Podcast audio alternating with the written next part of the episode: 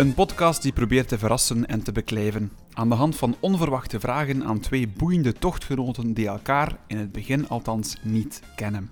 Tweespraak is ook vandaag de ontmoetingsplaats van meningen, anekdotes, knipoogjes, maar vooral van authentieke verhalen recht uit het leven. Maar ook recht op de man, met of zonder scherpe randjes. Steven en mezelf luisteren gedwee mee. Rob Merhotijn kent iedereen als Merho, de geestelijke vader van de Kiekeboes. De stip die ontstond in 1977 en nog erg vaak gelezen wordt door jong en oud. Marcel Kiekeboe, Charlotte, Fanny en Constantinopel.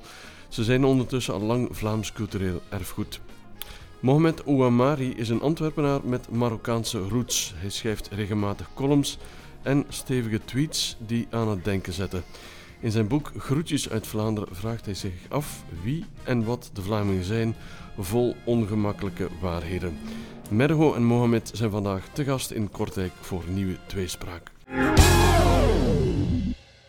Dag Mergo, dag Mohamed, welkom in onze studio. Dank u. Hallo. Hallo, hallo. Hoe was jullie dag vandaag? Was het een drukke dag? Goh, vandaag, eh, deze morgen heb ik zitten schrijven, Mhm. deze voormiddag. En eh, na de middag heb ik nog wat de tekeningen van mijn medewerkers aan het nakijken geweest. En dan dingen weggommen, dingen veranderen en ja. Is er meestal veel werk aan, aan de tekeningen van je medewerkers?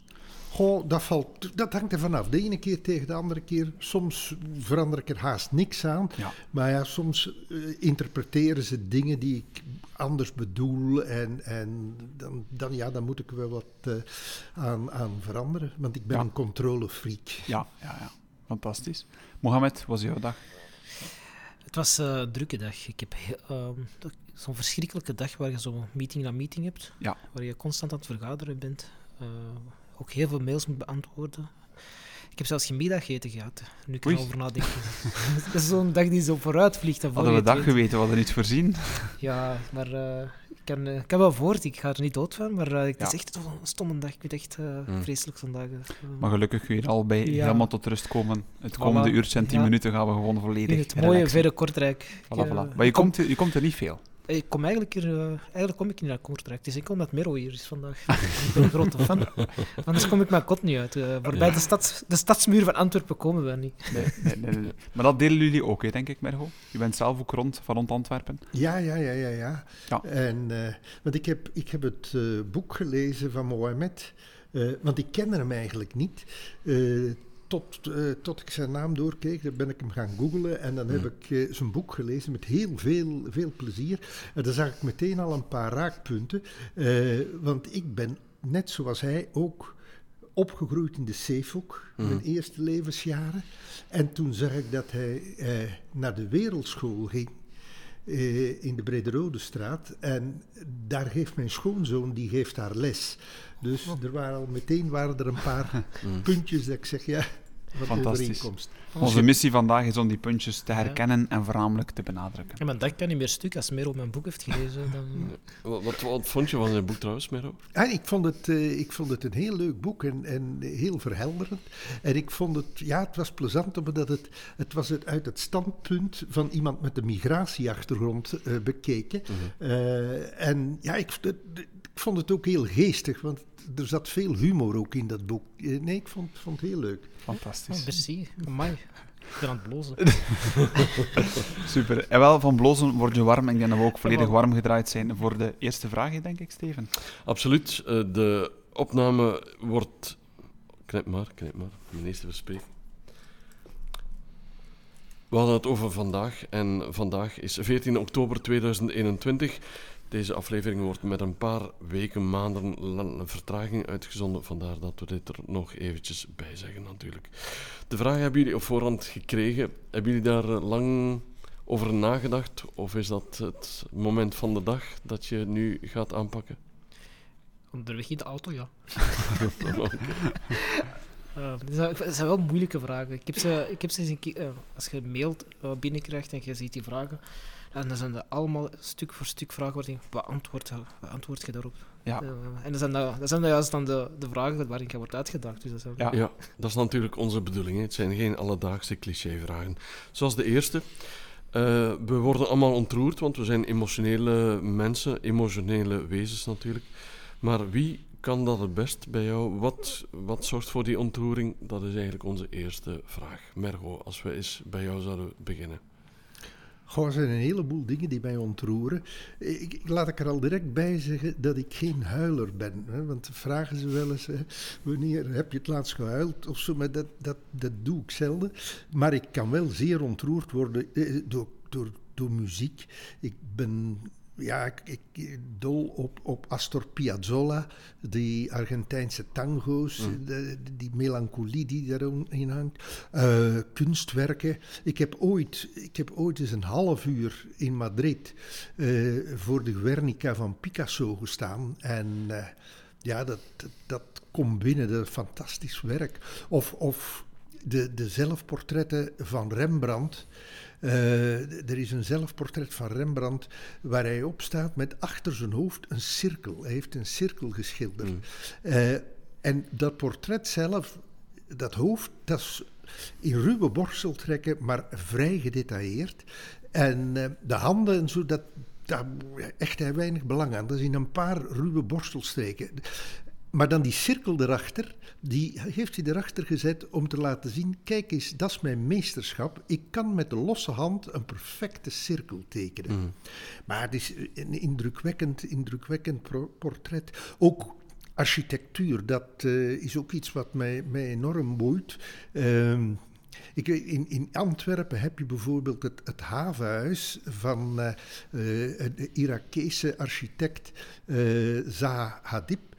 Eh, de vrouw is ondertussen ook al gestorven. En dat is een combinatie van ja, een, een 19e eeuws gebouw met daarop dan een modern stuk, die diamant. Ik heb van dichtbij meegemaakt dat ze het aan het bouwen waren, want ik kwam er bijna dagelijks voorbij gereden. En eh, nu het klaar is en de zon staat erop, ik, ik word er echt vrolijk van. Ja, nochtans, het is heel controversieel, want er zijn verschillende mensen die er, die er niet van houden. Ofwel vind je het mooi, ofwel eh, vind je het niet mooi. Eh, ik heb hetzelfde in Antwerpen met de toren van de Lieve Vrouwenkathedraal. Vind ik een van de mooiste gotische torens eh, die er ooit gebouwd zijn. Het is misschien een beetje Antwerps chauvinisme, maar ik vind dat het zo, zo is. La, La Eh, heeft er een nummer over gemaakt. zo. La Esterella heeft er een nummer over gemaakt. Het, het jammer is, hij staat weer in de stijgers. Heel mijn jeugd, mijn prille jeugd, stond, die, eh, stond die toren in de stijgers. Ik heb hem pas voor het eerst in echt gezien toen ik al volwassen was. En nu staat hij terug in de stijgers. Ik hoop dat ik het nog meemaak dat hij er terug uit is. Eh, Dat is die baksteen in de bak. Hè. Mohamed, ben jij een huiler of, of helemaal niet? Goh, ik zou mezelf eh, beschrijven als eh, rationeel eerder. Iemand die toch wel met een afstand van dingen staat. En ik, ik ben totaal geen huiler. Maar ehm, wat mij, als ik was er echt over aan het nadenken, wanneer heb ik het laatste keer echt heel eh, ontroerd geweest? Of wanneer heeft iemand mij, eh, wanneer heeft iets mij heel emotioneel geraakt? En dan moest, ik- moest ik terug uitkomen bij beelden van mensen die vluchten, ehm, mensen die in, ehm, in bootjes zitten en dan ja, de, de oversteek maken naar Europa. En op zich, de, wat mij echt ontroert, is niet de miserie en de wanhoop waar die in zitten. Dat is is één ding. Hun pijn is één ding, maar vooral hun wanhoop. In de zin van, je geeft alles op, je, geeft, je, stapt in een bootje met je kinderen in je hand in de hoop van... Allee, je weet, een groot deel van, van die mensen gaan sterven. Daar is een percentage aan waar je van weet, absoluut weet, je gaat het niet halen. En die mensen zijn zo moedig ook. En eh, zo bijna zelfzeker, die hebben zoveel hoop. En dat vind ik echt ontroerend, van ze gaan hun dood tegemoet. Mm. Ehm, zonder te weten waar ze uiteindelijk gaan uitkomen. En ze gaan waarschijnlijk een vreselijke dood tegemoet. Maar ehm, en die dapperheid en, ehm, die moed ook van hun om dat ook zo te ondernemen, die reis. Want je ziet heel veel mensen dan, die dan online zitten te, te roepen van... Amai, bl- ze komen allemaal naar hier, ze komen hier profiteren. Alsof dat het een hele gemakkelijke zaak is om die beslissing te maken om in een half zinkend bootje met 50 man, met kinderen en, en iedereen die dan zo ehm, een eigen gebed aan het prevelen is. Iedereen op zijn eigen manier. Ik vind dat, ik vind dat zo, zoveel kippenvel dat eruit komt. En dat was wel het laatste moment. Er zijn zo'n momenten waarbij ik echt zo ik denk van wat, wat een mens toe in staat is, dat is ongelooflijk.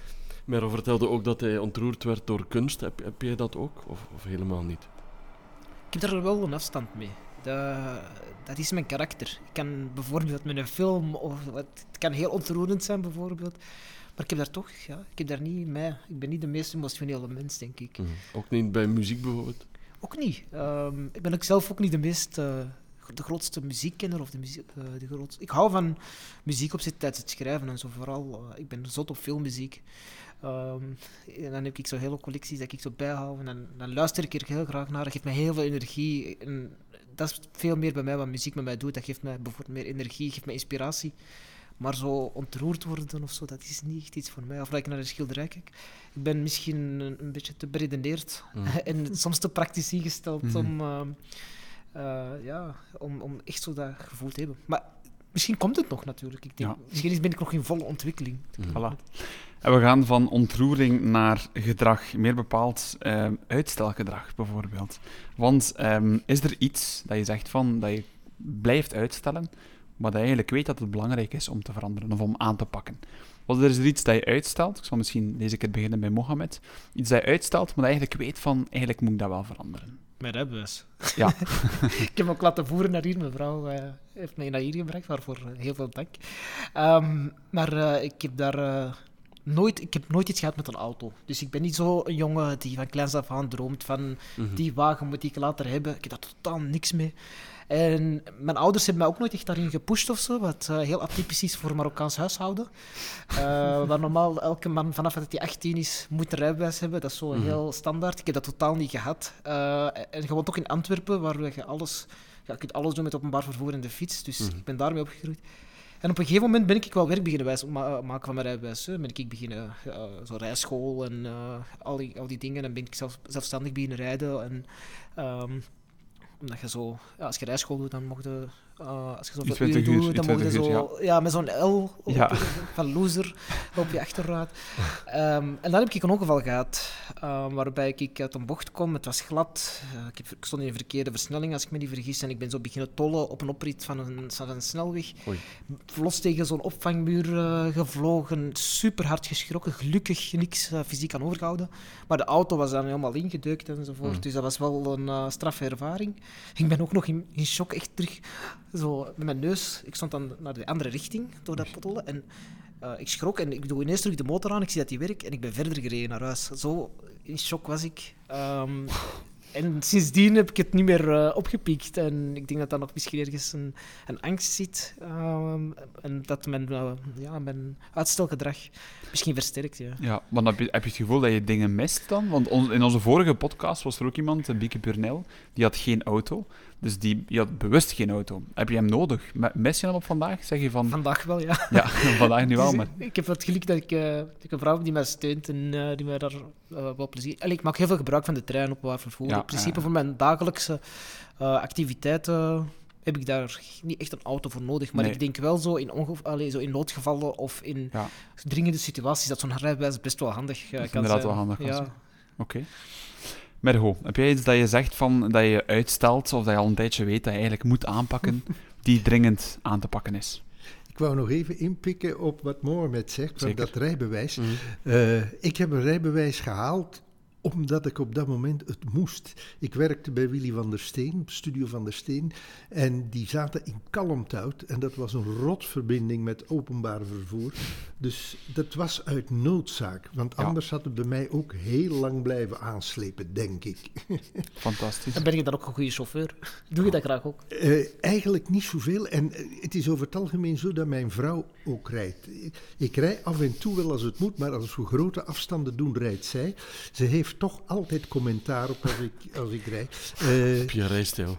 Ja, maar dat is een beetje. Je kent dat, dat, dat eh, Brits eh feuilleton Keeping Up Appearance eh, Ja. met eh Hyacinth Bouquet. Ik moet er altijd aan denken als die in de auto zit met haar man en al die opmerkingen die je krijgt. Dus ik, ik weet het, daarom laat ik haar maar gewoon rijden. Heeft dan ook het voordeel als we op restaurant zijn, kan ik drinken. Dus, Men- mensen zien het niet, maar mevrouw Merho zit hier een beetje verder Ja. te kijken en te lachen. ook We hebben zelf fans bij, hoe fantastisch is dat? En de vrouw van Mohammed is er ook Ja. Dus eigenlijk is het van de eerste keer dat we echt een tribune gaan moeten zetten, denk ik, Steven. Ja. maar dus, rijbewijs. Maar, maar voor de rest, eigenlijk, ik ben op een leeftijd gekomen dat ik geen uitstelgedrag meer vertoon. Oké. Eh, mijn, mijn tijd is beperkt, dus als ik iets wil doen, dan doe ik het gewoon. Oké, dat is mooi gezegd. Maar was het dan vroeger anders? Je vroeger dan meer projecten dat je, dat je wel uitstelde of dat je wel uitstelgedrag had? Goh, maar eigenlijk niet, zo, niet zozeer. Ik, ik heb altijd de dingen die ik wou doen, ja nee, heb ik altijd gedaan. En ook bij creatieve werk. Vroeger, als je jonger was, misschien minder... Allee, ik denk dat na, na een bepaalde leeftijd, dan lukken de zaken soms bijna vanzelf of zo. En dan raak je er makkelijker in. Maar ik denk als je nog onzeker bent, nog zoekender bent, als creatieveling... Heb je dan toen ook niet zo... Ik heb dat heel hard met schrijven. Ja. Dat ik bijna bang ben om aan mijn wit blad te beginnen. En dan denk ik, ja, ik kan, morgen eens beginnen. En, en gewoon uit die angst om, om te beginnen soms. Heb jij dat vroeger? Ik heb, het, ik heb het nu meer dan vroeger. Ah, Ik heb het nu meer dan vroeger. Vroeger dan in mijn jeugdige overmoed, dan, dan deed ik het maar. Terwijl dat ik me nu altijd begin te bedenken, kan dat wel? Is dit wel goed? Zou ik... ik zit ook veel meer te schaven aan mijn scenario's dan vroeger. Vroeger ging dat uit de losse pols. Je bent strenger voor jezelf. Ja, ja, ja. Eh, het heeft ook te maken met het feit, ik hoef het eigenlijk niet meer te doen. Eh, en ik doe het gewoon weg omdat ik het leuk vind. Mhm. Maar dan wil ik het ook hebben dat ik dingen maak die ik goed vind. En eh, ja, als ik tegenwoordig aan een scenario werk, eh, dat is dikwijls bloed, zweet en tranen. En opnieuw beginnen en zo. Ik zit zo op het ogenblik in deze fase. Ik zit nu halverwege een scenario, maar ik ben weer vastgelopen.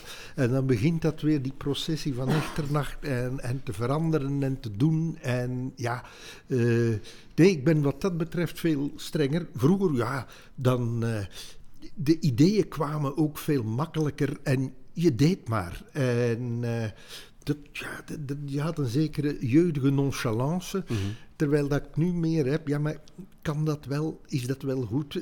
Ja. Dat- terwijl Je- dat je nu niks meer te bewijzen hebt. Dat vind ik wel fascinerend. Je zou kunnen zeggen, ik heb eigenlijk al mijn verdiensten bewezen. Ik heb getoond wat ik kan. En eigenlijk zou je dat kunnen denken van, dat geeft meer vrijheid. Maar dat blijkbaar niet. Eh, nee, nee, maar het- de verwachtingen van het publiek zijn ook hoger gespannen. Dat is ook na een tijd. Eh, je hebt een, een, eh, je hebt Een een, bepaald- reputatie, een, eh, een reputatie en dat moet je, ja, dat moet je waarmaken. Eh, ja, en lezers zijn ook kritischer geworden, omdat er ook veel meer concurrentie is. Als je gewoon ziet wat, via de Netflixen van deze wereld, wat voor series dat we allemaal te zien krijgen, die dus prachtig gemaakt worden, ja, dan moet je met je strip toch een beetje opletten dat Ja. Mm. je... Hetzelfde kan je niet, maar dan moet je toch zeggen, ja, ik wil toch een intelligent opgebouwd verhaal. Ja. Eh, Merho, je zei daarnet, mijn tijd is beperkt. Dat heeft met jouw leeftijd te maken. Ga jij anders om met tijd dan pakweg 20, 30 jaar geleden dan? Oh ja, ja, ja, zeker. Heel, heel, heel zeker. Het is daarom geen uitstelgedrag.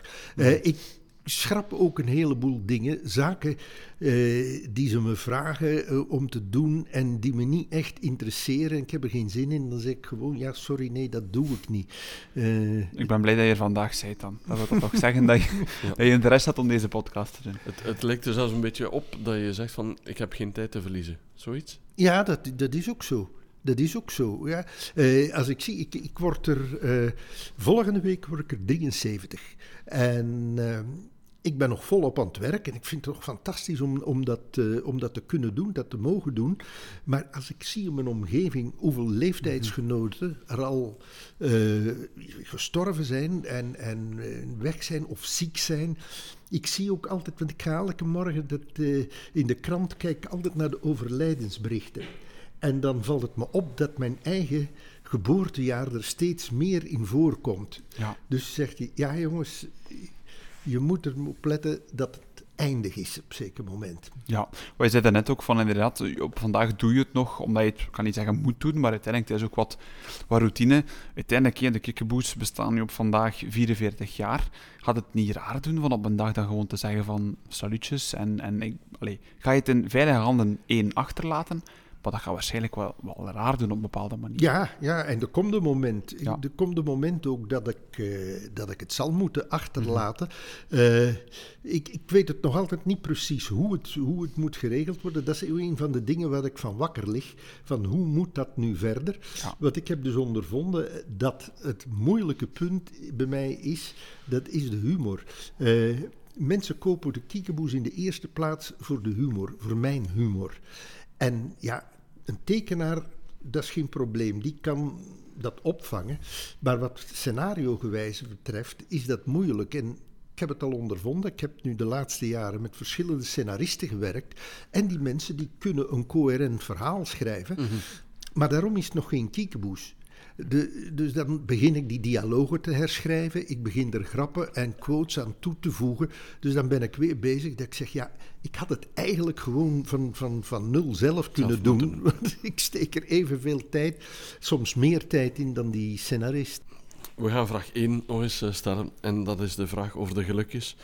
Dat is een leuke vraag, omdat die heel veel antwoorden al heeft opgeleverd. En ook vandaag weer verrassende dingen zal vertellen. Daar zijn we van overtuigd. Welke kleine gelukjes maken jou eigenlijk blij, Mohamed?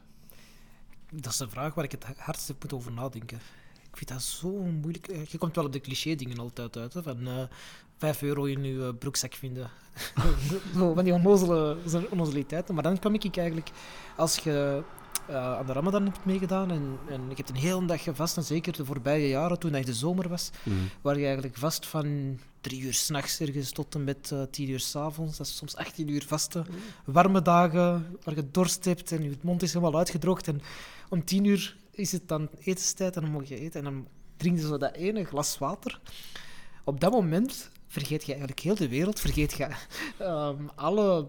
ehm, alles wat je maar ooit droomt, of wat je, je hebt het gevoel van dit is alles wat ik nodig heb. Dit is het enige wat ik... eh, dit is de essentie bijna. Gewoon water drinken. Ja. En je kunt dat echt niet... Je kunt dat gelukkig, op dat, of dat, dat gevoel dat je dat, op dat moment hebt, kun je soms echt niet bevatten. Dat is echt zot. En, en daarom dat ik ook zo automatisch dan denk van, wauw, het was voor mij maar 18 uur, maar stel je voor dat je ergens eh, in een gebied bent waar, ja, waar er geen water meer is, eh, waar, Ja. of waar je heel, heel ver moet lopen om water Mhm. te krijgen. Wat betekent dat dan? Ehm, dus dat is zo een heel water drinken is voor ons een vanzelfsprekendheid, maar eigenlijk is dat de essentie van heel ons leven. En dat komt daar gewoon samen in dat ene momentje, zo die, die, die tien seconden, dat zo echt door je keel gaat, je voelt dat zo. Heel, je voelt je helemaal opkwikken, je voelt Ja. je hartslag terug, terugkomen en dan dat je helemaal kapot bent. Eh, dat is wel echt een mooi moment, ja. Ja. Merk je dan veel, veel respect vanuit je, vanuit je omgeving? Het feit dat er Ramadan is, is inderdaad, ja, je moet extra opletten. Je moet echt... Merk je dan dat ze je steunen vanuit de omgeving en opletten dat ze allee, minder meedrinken? Of, dat ze, of Maar is dat... Ik vind dat ook niet storend. Dus eh, als ik ga werken en, en mensen eten en drinken, en daar, dan heb je wel sommige mensen die zo wat schroom hebben en zo zeggen, maar, oh, oh, sorry, sorry, en zich verontschuldigen. Maar ik vind, ja, ik kies ervoor en eh, Ja. dat doet me ook helemaal niks of zo. Dus ik weet waarom ik het doe en... en ehm, het geeft me ook heel veel kracht en, en inspiratie, zoals ik, je, je denkt over zaken na. Ehm, maar je moet ook niet vergeten, een omgeving, ehm, zoals bijvoorbeeld Antwerpen, iedereen doet mee aan de Ramadan bijna. Ehm, dus als je, dat is echt zot. Ik, heb, als ik, eh, woon nu op het Kiel, maar daarvoor woonde ik in Borgerhout. Eh, dan zie je zo om drie uur s'nachts, zie je zo in de straat alle lichten aangaan. Met alle mensen wakker worden om te ontbijten. Ehm, dat is echt een sfeer. Je hebt op, op die, in die maand heb je echt een Ramadan-sfeer. Om acht uur s'avonds een lange rij, een file tot bij de bakker. Eh, de zoetigheden die worden verkocht. eh, de families die bij elkaar bezoeken. Afgelopen twee jaar was dat natuurlijk veel minder met corona. Ehm, helemaal niet. Maar dat, was echt een, dat is echt een zotte sfeer die dan, Ja. dan leeft. Dus als je in Antwerpen woont, is dat wel natuurlijk helemaal anders dan als je... Ik weet niet hoe, de sfeer in Kortrijk is dan. Eh, misschien is dat hier veel minder. Ja. Eh, dan kan ik je wel voorstellen dat dat misschien anders, een andere Mhm, beleving is. Maar mhm. in Antwerpen is dat... Ja, zelfs de, de mensen die... Mijn kapper, die op de eerste gelijksvloer eh, woont bij ons. En Mhm. die weet ook perfect... Oh ja, de Ramadan. En die babbelt ermee. Gewoon alsof dat iets eh, normaal is geworden. Je hebt geen niet meer die schroom van... Moet ik iets oppassen of moet ik dit of dat vragen? En ik vind dat wel een goede evolutie. Fantastisch. Het kleine geluk van Mohamed. Eh, wat is dat voor jou, Merho? Kleine gelukjes? Eh, kleine gelukjes is eh, een, een goede grap bedenken. En die dan aan mijn vrouw vertellen. En ze lacht ermee, want ze lacht niet altijd met mijn grappen. Dus maar als ze er spontaan mee lacht, dat vind ik altijd... Ja, yes, die, die, die werkt, die kan ik, kan ik gebruiken. Of, zoals de periode waar ik nu in zit, dat ik zeg, ja, ik zit zo halverwege een scenario en ik zit vast. Maar het is niet de eerste keer dat ik dat meemaak, want ik heb dat goh, al, al, al tientallen keren meegemaakt met een verhaal. Maar ik weet dat er een moment komt dat het toch gaat lukken, dat al die elementen dan Ja. samenkomen, dat die puzzel in elkaar valt. En dat is ook altijd een gelukzalig moment, zo van, het is weer gelukt. Eh, ik, ik, ik, ik hoorde van, van eh, ik las het ooit over Goscinny, de, de, de scenarist van, van Asterix en Lucky Luke, een van de allerbeste eh, in, eh, in, het, in het vak. En dat hij dus ook vast zat met een verhaal en dat hij door de kamer liep. Ik kan het niet meer, het lukt niet meer. Hè. Eh, ik ga me verhangen. Eh, het is gedaan, het is afgelopen. Ja, en het kwam dan toch op zeker moment terug goed. En, en dan viel dat verhaal in zijn plooi. En dat vind ik altijd een zalig moment. En als je dat dan daarna bekijkt, dan zeg je, ja, dat is logisch, zo en zo. En dan gaat dat, maakt dat die overgang en naar dat. Maar voor je dat je dat bij elkaar krijgt, ja, daar is veel bloed, zweet en tranen aan te pas gekomen. Want mensen hebben daar niet altijd te zicht op, denk ik. Hè? Mensen denken dat het allemaal vanzelf gaat. Ja, maar dat hoeft ook niet. Mensen, eh, de- mensen moeten dat ook niet hebben. Dat moet ook niet. Ik, ik, heb, ik hou bijvoorbeeld ook niet van artiesten die op het toneel zo zichtbaar zich in het zweet aan het werken zijn. Eh, dan denk je, ja nee, doe, dat, doe nu eens normaal. Doe dat, eh. dus ik vind, dat, ik vind dat ook niet nodig dat, dat de mensen dat eh, niet weten. Eh, ze moeten gewoon zo'n boekje vastpakken en ervan genieten. Dat, eh, dat is het. Ik heb echt exact hetzelfde. Als ik schrijf en ik zit echt vast soms dat ik twee weken lang niks op papier krijg. Allee, ik krijg wel veel papier, maar druk niet op veel. En op een gegeven moment heb je zo dat moment dat je denkt, dat was ik op zoek, dat is gewoon één zin. En wat doe ik dan? Dan, dan zit ik achter mijn computer en dan is dat bijna een Eureka-moment en dan loop ik naar de andere kant van, de, van ons appartement waar mijn vrouw zit en dan laat ik haar zo die ene zin voorlezen. Dan zeg ik, wat vind je van deze zin? En dan lezen ze en dan komt er wel een reactie uit en vaak positief. Zeg ik van, en dan zeg ik zo, ah, was dat alles? Ik zo, je weet niet wat ik voor deze zin heb gedaan. dus ik herken dat ook wel heel hard. Ja. Ja. Ja. Zijn jullie mensen die ook stilstaan bij die kleine gelukjes? Die echt zoiets hebben van, oké, dit is nu echt wel wat ik zocht? Of zijn jullie meestal mensen die dat ah, pas achteraf beseffen van, eigenlijk was dat, was dat wel een mooi gelukje? Zijn jullie erbij stil, moment zelf? Dan bijvoorbeeld Mergo je een grapje vertelt of dat je zegt van, ben je er dan bewust mee bezig van, eigenlijk word ik daar wel gelukkig van? Ja. Of is dat meestal dan s'avonds of, of later dat je denkt van, eigenlijk was dat wel een mooi moment? Nee, nee, nee, nee, dat wordt dus instant geluk. Ja, instant geluk. Zo'n dopamines opstoot, zo'n Ja. Zo. Fantastisch, fantastisch. Super. En het komt altijd onverwacht. Dat is het leuke eraan, denk ik. Mhm. Ja, dat is onvoorspelbaar. Vaak op het moment dat je het niet meer verwacht. Als je het al hebt opgegeven zo. Ja, zo bijna. Maar ik zeg het, ik, ik ben zo ver dat ik weet, ja, het duurt soms lang en soms iets te lang, maar ik weet, het komt wel goed. Dat Mhm, weet ja. ik na 45 jaar. Ja, Het ja. zal wel lukken. Ik hoop dat jullie allebei goede slapers zijn en we gaan jullie niet eh, wakker maken voor onnodige dingen, maar waarvoor mogen we jou toch eventueel wakker maken? Wat zou dat kunnen zijn? Merro? Eh, voor mij mag je me altijd wakker maken om op reis te vertrekken. Ja. Het is in werkelijkheid ook al heel vaak gebeurd dat ik in het holst van de nacht ben moeten opstaan eh, om met een taxi naar Zaventem te vertrekken, omdat ik een heel vroege, vroege vlucht had. Maar eh, ja, op, op reis gaan reizen heb ik, heb ik altijd heel, heel graag gedaan. En dat komt als kleine jongen, goh, wij hadden het niet breed thuis. En in mijn prille jeugd, verder dan Blankenbergen en de grotten van Han, was ik nooit, nooit geraakt. Ik weet dat we met, eh, met mijn ouders en mijn broer de eerste keer dat we een buitenlandse reis gedaan hebben, dan was ik 16 en dan gingen we voor vijf dagen naar Parijs. En dat Parijs, dat klonk zo exotisch. En nu, ja, als ik eens een bepaalde tentoonstelling wil zien, dan neem ik 's morgens de Thalys naar Parijs en kom ik s'avonds met de Thalys terug. Ja. dat is het verschil. Maar, en ik, ik herinner me Expo 58 en ik was tien jaar en daar was een bioscoop. Cinerama, dat was iets nieuw en dat was zo'n halve cirkel en ze projecteerden die films met drie verschillende camera's. Ze hebben dat daarna willen commercialiseren, maar het was toch een gecompliceerd en dat is nooit van de grond gekomen. En dan gaven ze een film en dat duurde twee uur over een reis rond de wereld. En dan kreeg je al die exotische plekken uh, in, in, in Europa, in Azië, Afrika, Amerika te zien. En ik zat daar als kleine jongen op te kijken en ik denk dat wil ik allemaal zien. Daar wil ik allemaal naartoe gaan. En uh, het is nu ondertussen, ja, op mijn leeftijd, ik ben nu bijna 73, ik heb er toch al een heel pak, heel pak gezien en een heel, heel stuk van de wereld gezien. Wat dan natuurlijk altijd wel uh, verhalen heeft opgeleverd voor de kiekeboes. En ja, op reis gaan is toch altijd wel een heel intense ervaring. Mm. Want dus mijn uh, belastingsinspecteur zegt, ja, maar je kan al die foto's die je maakt, je kan dat nu op internet googlen, heb je die ook? Ja, maar dat is iets anders. Je moet er zijn, je moet met de mensen ter plekke mm praat, uh, praten, de verhalen horen van, van, van, van daar. En ja, dat, dat, dan kom je met iets anders naar huis. Maar ik vind, ja, ze mogen mij nog altijd midden in de nacht wakker maken om op reis te gaan. Waar, waar wil je graag nog naartoe, bijvoorbeeld? Goh, uh, het wordt moeilijker. je hebt al veel gezien. Ja, we hebben, we, hebben, we, hebben, al heel veel gedaan. Antarctica, dat zou ik nog wel eens willen doen. Dat, uh, okay daar ben ik nog niet geweest. Dat is nog wel een van de dingen, van de punten die, die op mijn bucketlist staan. want tegenwoordig kan je naar de ruimte ook. Hè? Ja, dat kan je ook. Maar ja, dat is eh, iets te duur. Mohamed, wat mogen we jou s'nachts wakker maken? Als het brandt. Uh, dan sowieso, hopelijk. Um, ik heb eigenlijk niks. Uh, ik ben iemand die heel gesteld is op zijn slaap. Ik, uh, ik word ook niet wakker.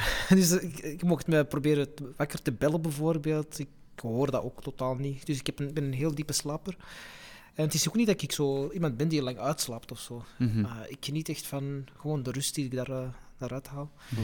En ik ben gewoon nog gaan terug aan het denken aan uh, de Ramadan. Dan word ik wel wakker om te eten. Mhm. ja, ik, ben ook, ik hou van ontbijten bijvoorbeeld. Je mocht mij inderdaad wakker maken voor een ontbijt. Ik ben daar echt. Um, mijn vrouw die weet dat heel goed. Als ik niet ontbijt, ontbeten heb, dan ben ik super chagrijnig. Ben ik niet... Uh, ja, ben echt, niet, ben echt onhandelbaar. Mm -hmm. Ja. Het is zelfs niet onaangenaam, echt onhandelbaar. Oei, dus oei, oei. Echt, ik weet nog dat we ooit ergens naartoe zijn geweest. Uh, dat was een van onze eerste dates en we hadden afgesproken en ik had niet ontbeten. Uh, ik heb daar echt als een klein kind gedragen, als ik me niet vergis. Um, en dat was echt zo, ja, ik heb honger, ik wil ergens gaan ontbijten, maar we vonden zo niks direct goed. En, en dat bleef wel wat langer duren. En uiteindelijk zijn we gewoon ergens gaan zitten. En zo na een uur of zo was ik zo terug een normale mens, een aangename mens geworden. Um, dus als we ook ergens op naar naartoe gaan of zo, dan moeten we altijd op voorhand goed weten op vakantie van ontbijtplikken, dat is eerst wat we vastzetten. Voor de rest van de dag maakt mij echt allemaal niet uit. Ik moet, zoals vandaag, ik, als ik over de, over de middag niks eet, ik trek mijn plan wel. Allee, ik kan ja. wel goed, maar ik, ik, heb wel stevig ontbeten s ochtends. Ja. En, wat, wat, eet je dan meestal? Oh, van, allee, ik hou van, ja, gewoon typisch zo bro, brood, broodbeleg, granola, yoghurt. Uh, ik probeer zo... Ja, Marokkaanse thee, dat is ook iets dat ik bijna elke dag drink. Um, ja, echt gewoon... Het moet altijd iets meer zijn dan een boterham met chocolade. Ja, of zo. Ja, dus ik probeer okay, daar wel echt mijn tijd voor, uit te uh, voor vrij te maken, s ochtends minstens. Uh, ik ben zo iemand die liever te laat komt dan niet ontbijten. okay. zo, zo erg ben ik uh, op dat vlak. dus ja, ik heb dat echt nodig. Of anders functioneer ik ook niet. Ja. Dus ja... Ontbijten is belangrijk, zeker en vast. Nu, dat, we gaan... Dat die propaganda hè, van school vroeger, die zeiden dat altijd. Hè. Je moet ontbijten, het is de belangrijkste maaltijd van de dag. En ik heb dat, dat, altijd zo onthouden. Ja, en de Ramadan is het extra vroeg opstaan natuurlijk, ja, voor het ontbijten. En dan, uh, anders uh, krijg je chagrijnige... een On, onhandelbare ja. mensen. Voilà, voilà, voilà. Ik weet niet of jullie veel last hebben van stress, um, maar elke mens heeft daar zijn manier om, om daarmee om te gaan natuurlijk. Hoe is dat bij jullie? Hoe onthaast jullie als jullie uh, last hebben van stress, Merho? Uh, om te beginnen heel, heel hard vloeken. Oké. Ja, en, en vroeger, als ik jong was, dan kon ik uh, potloden kapot breken of tekenlatten kapot breken. Maar dat, dat is nu geminderd. Maar het vloeken, dat, uh, dat blijft nog. Ja, en dan uh, ofwel gaan wandelen, gaan fietsen, dat helpt. Of uh, naar zee trekken. Dat mm. is. Uh, we hebben een klein appartementje aan zee, uh, waar ik ook zit te schrijven. En eh, waar ik heel lange strandwandelingen maak. En daar kom ik gewoonlijk altijd van, eh, van tot rust. En ik heb ook al veel dingen bedacht tijdens die, eh, die, die, tijdens die strandwandelingen. De zee is inspirerend. Ja, ja, ja, heel inspirerend. Oké, dus een echte onthaasting kan bijna niet anders. Hè. Zeker, eh, zeker aan de zee. En, en heb jij eigenlijk veel last van stress? Want je komt heel rustig over, Merho. Goh, eh, last van stress. Dat hangt er vanaf. Ehm als, eh, ik, ik heb het in deze, in deze periode eigenlijk iets meer dan een paar jaar terug in die zin dat ik nu meer een controlefunctie uitoefen over het werk dat mijn medewerkers doen. Dat wil dus zeggen, ik zit zelf aan een verhaal te schrijven, maar dan komt er een pagina in potlood binnen van een van mijn tekenaars. Dat gebeurt nu allemaal digitaal. Goed, ja, dan moet ik alles laten vallen, want dan moet ik eerst nakijken, want dat moet dan naar de volgende stap, naar de inkter die dat digitaal inkt. Goed, en dan krijg ik ondertussen, komt er dan van mijn dochter, die alles inkleurt, komt daar dan weer een plaat van binnen.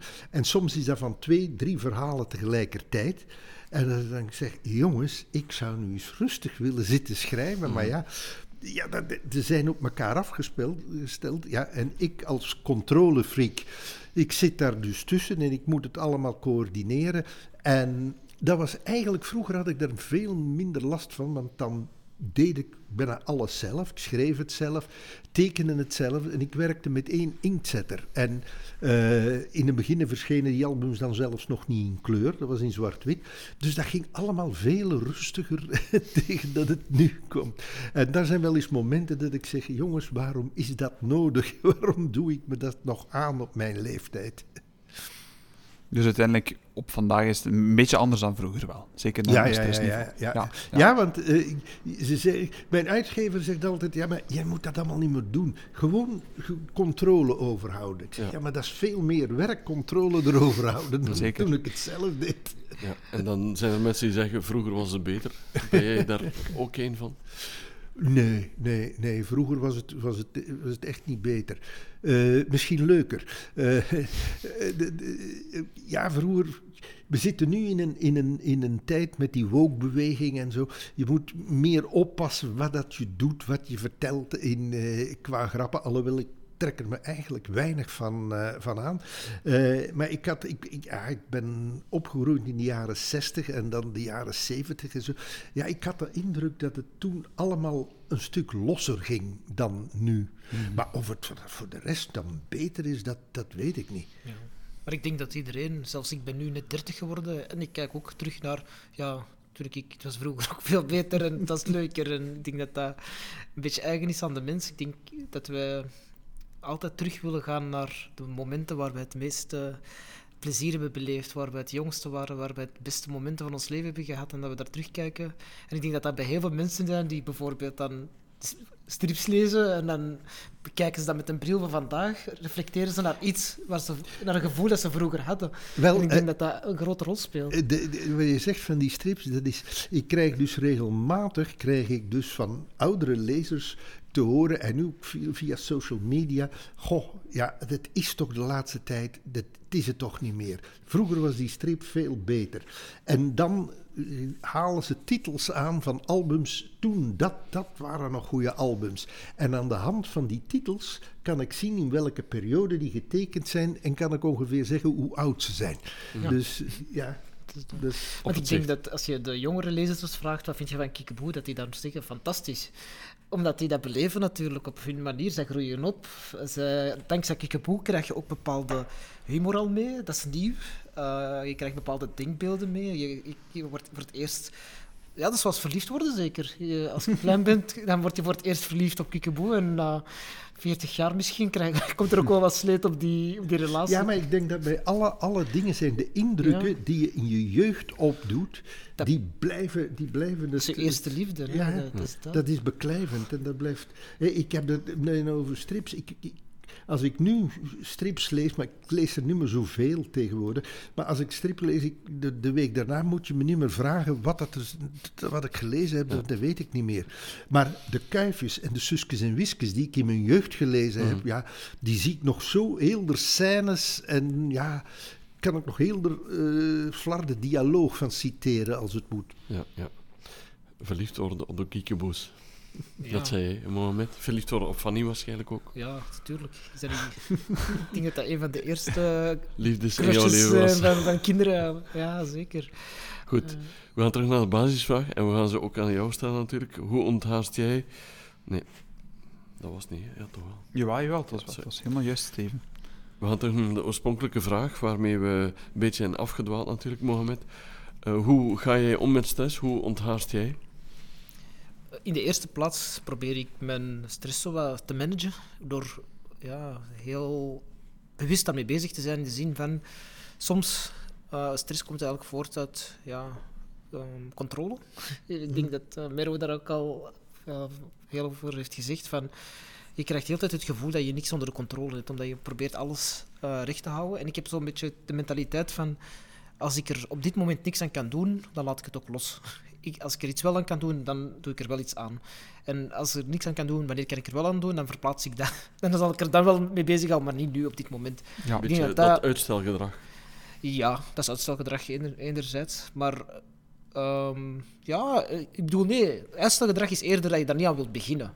Dit is eerder van, ja, als je op een bepaald moment iets gewoon niet kunt, een stap kunt zetten. Ik denk, eh, eh, er is een beslissing die moet gemaakt worden, maar er zijn nog zoveel mensen die bepaalde zaken moeten toereiken en aanreiken. En dan kun je daar heel druk in maken en zeggen, van, het moet allemaal sneller en het moet, eh, het moet beter enzovoort. Of je zegt, oké, ik laat dat allemaal weten van, ik verwacht dat wel. En, en dan komt dat wel allemaal wel binnen. Ehm, maar op dat moment moet je je nu gaan kapotmaken en gaan kapot stressen als je er toch niet veel aan kunt veranderen op dat moment. Dus je moet op een gegeven moment weten ehm, dat je moet zaken loslaten als je Mhm. er toch niks aan kunt veranderen. Ja. Ehm, dus dat is voor mij sowieso gewoon de mindset van... Ja, zo blijf ik wel altijd kalm. Ik denk ook in, eh, in crisissituaties dat je dan ook eerst wat je naar moet kijken is wat kun je wel doen in plaats van wat kun je niet doen. Dat zijn zo van die zaken en daardoor heb ik zo'n beetje een rustige uitstraling.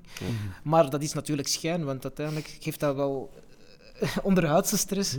En dat los ik dan misschien wel op door sporten. Ik eh, ehm, ben eh, iemand die graag eh, bokst. Ehm, Mhm. Niet op een niveau dat je zou zeggen wedstrijden en ehm, echt ja, op een hoog niveau of zo. Maar ik vind het wel heel, heel leuk om ehm, in de sportclub met een groep mensen te sporten, eh, Mhm. oefeningen te doen, de bokzak eh, erop eh, los te gaan. En dat is niet per se uit agressie, want dat is ook zo wat mensen zeggen, zo vaak zo de stress erop afkloppen of zo. Het is Mhm. gewoon puur die aandacht erbij houden en dat je dan niet Mhm. aan andere zaken denkt. Dat je op dat Ja. moment het enige wat je moet onthouden is links, rechts, hoek, opstoot, eh trap en dat je die oefening goed doet. En dan ben je gewoon zo, zo gefocust op dat één ding, waardoor je even alles rondom je vergeet. Ja. Eh, en dat is heel leuk. Ehm, dat vooral zo die, die, die, dat technische erachter, dat je het allemaal goed wilt doen. En, en ik ben iemand wel die graag dingen goed doet. Dus ehm, daar haal ik wel veel energie ook uit achteraf. Als ik een tijd niet heb gesport, en dat is eh, corona, toen de clubs gesloten, allee, toen Mhm. niks meer ging. Eh, pff, heb ik dat ongelooflijk gemist. Is mijn conditie verschrikkelijk hard achteruit gegaan, maar natuurlijk ook ehm, inspiratie. Want ik denk als je altijd maar thuis zit en je zit aan het werken, of je probeert een poging tot schrijven, maar je merkt gewoon, als je je uitlaatklep niet hebt, dat je dan niet dezelfde prestaties ehm, kunt neerleggen. Dat is gewoon heel essentieel om daar toch nog je, hoofd te kunnen leegmaken en iets anders bezig te zijn dan waar je dagelijks mee bezig bent. Zaken dat we misschien ook dagelijks herkennen, dat we eigenlijk dagelijks ook in ons hebben, dat zijn misschien onze trekjes. Dat zijn zaken die we herkennen in onszelf, die we al dan niet hebben. Maar ik ben voornamelijk benieuwd, ehm Mergo, wat beginnen bij jou? Welke trekjes laat je niet snel aan anderen zien? Heb je zoiets bepaald dat je denkt bij jezelf van dat is eigenlijk iets dat niet veel mensen weten of dat ik niet mee te koop loop of... of... Eh, Ik vond dat een moeilijke vraag. En ik heb het aan mijn vrouw voorgelegd. Zeg, wat, wat, wat is het? En dan eh, heeft ze gezegd... Jouw krenterigheid wat betreft kleine bedragen. En dat is ook zo. Ehm, over, over grote dingen... Ik zou zeggen, het, het kopen van een auto, het kopen van een huis... eh, Daar kan ik op vijf minuten tijd over besl- beslissen, ja, dat doen we. Is het me waard? Kan ik het betalen? En doe ik het. Bon, dat, eh, en maar het kan dikwijls over kleine, kleine zaken zo zijn. eh, een taxi nemen of iets. Is dat nu nodig? Dat we, kunnen we dat niet met openbaar vervoer doen? Kunnen we taxi nemen? Maar het, het komt een beetje van, van, vanuit mijn achtergrond. Wij hadden het thuis niet breed. Mm. Dus er moest op de penning gelet worden. En dat heb ik nog altijd zo. eh, ik, ik gebruik nog altijd zo de dingen. De achterkant van blaren waar ik, van fotocopieën die ik maak. Voor mijn schetsjes te maken, dat doe ik nog altijd op de achterkant van, van die blaren in plaats van een ander blad te pakken. Om papier eh, te Ja, sparen. of papier te sparen. Ja, dat zijn zo van die. Je kan ook niet tegen, je kan ook niet tegen dat er eten weggegooid wordt. Oeh, dat is ook zoiets wat ik van. Ik, ik ben van kort na de oorlog, dus eh, dat was nog de tijd dat de boter van het papiertje werd geschraapt. En eh, ja, ik, ik heb dat zoiets eh, van. Ja, maar nee, kunnen we er dan niet iets anders mee doen? Of kunnen we dat dan invriezen en daar nog iets mee doen? Maar dingen weggooien, eten weggooien, ja, dat, daar kan ik niet mee om. Je zegt krenterigheid, maar je kan ook heel positief zien wat je nu vertelde bijvoorbeeld over voedsel dat je, dat je niet wil weggooien. Mhm. Dat heeft niets met kre- krenterigheid eh, te maken. Nee, nee, nee, misschien niet. Misschien niet. eh, maar ik, ik zou. Goh, eh, ik zou soms dingen eten dat ik, dat ik zeg, ja, die, die zouden eigenlijk beter weggesmeten worden. Ga je er nu niet ziek van maken om dat op te eten? Maar dat ik het de zonde ver- vind. Ja, Voorbij de vervaldatum. die voorbij de vervaldatum zijn, dat, dat ik het zonde vind om het, om het weg te gooien. Oké, dat is eh, op zich wel mooi ook. Mooi om eh, Mooi, een keer mooi, toe mooi te geven. Duurzaam. Zeker, duurzaam trekje. Mergo. Super. Mohamed, heb jij een bepaald trekje dat je niet snel laat zien aan anderen? Of dat je, ik kan niet zeggen verzwijgt, maar... Mijn asociaal gedrag. Ik heb die vraag ook moeten stellen aan mijn vrouw. En, en dat was ook... eh, ik kan heel vlot overkomen als iemand die in een groep wel ehm, ja, sociaal is en die Mhm. kan babbelen en, en ja, een sociaal wezen lijkt. Mhm. Maar ik denk op het moment dat ik zo heel vrolijk doe en heel, heel vlot babbel, dat ik op dat moment ook denk, ik zou eigenlijk liever in mijn bed willen zitten met mijn laptop op mijn schoot en, eh, of een boek aan het lezen zijn, of eh, dat soort zaken. Ik, laatst zijn we naar een trouwfeest geweest en ik, heb voor de zekerheid mijn eh e-reader meegenomen.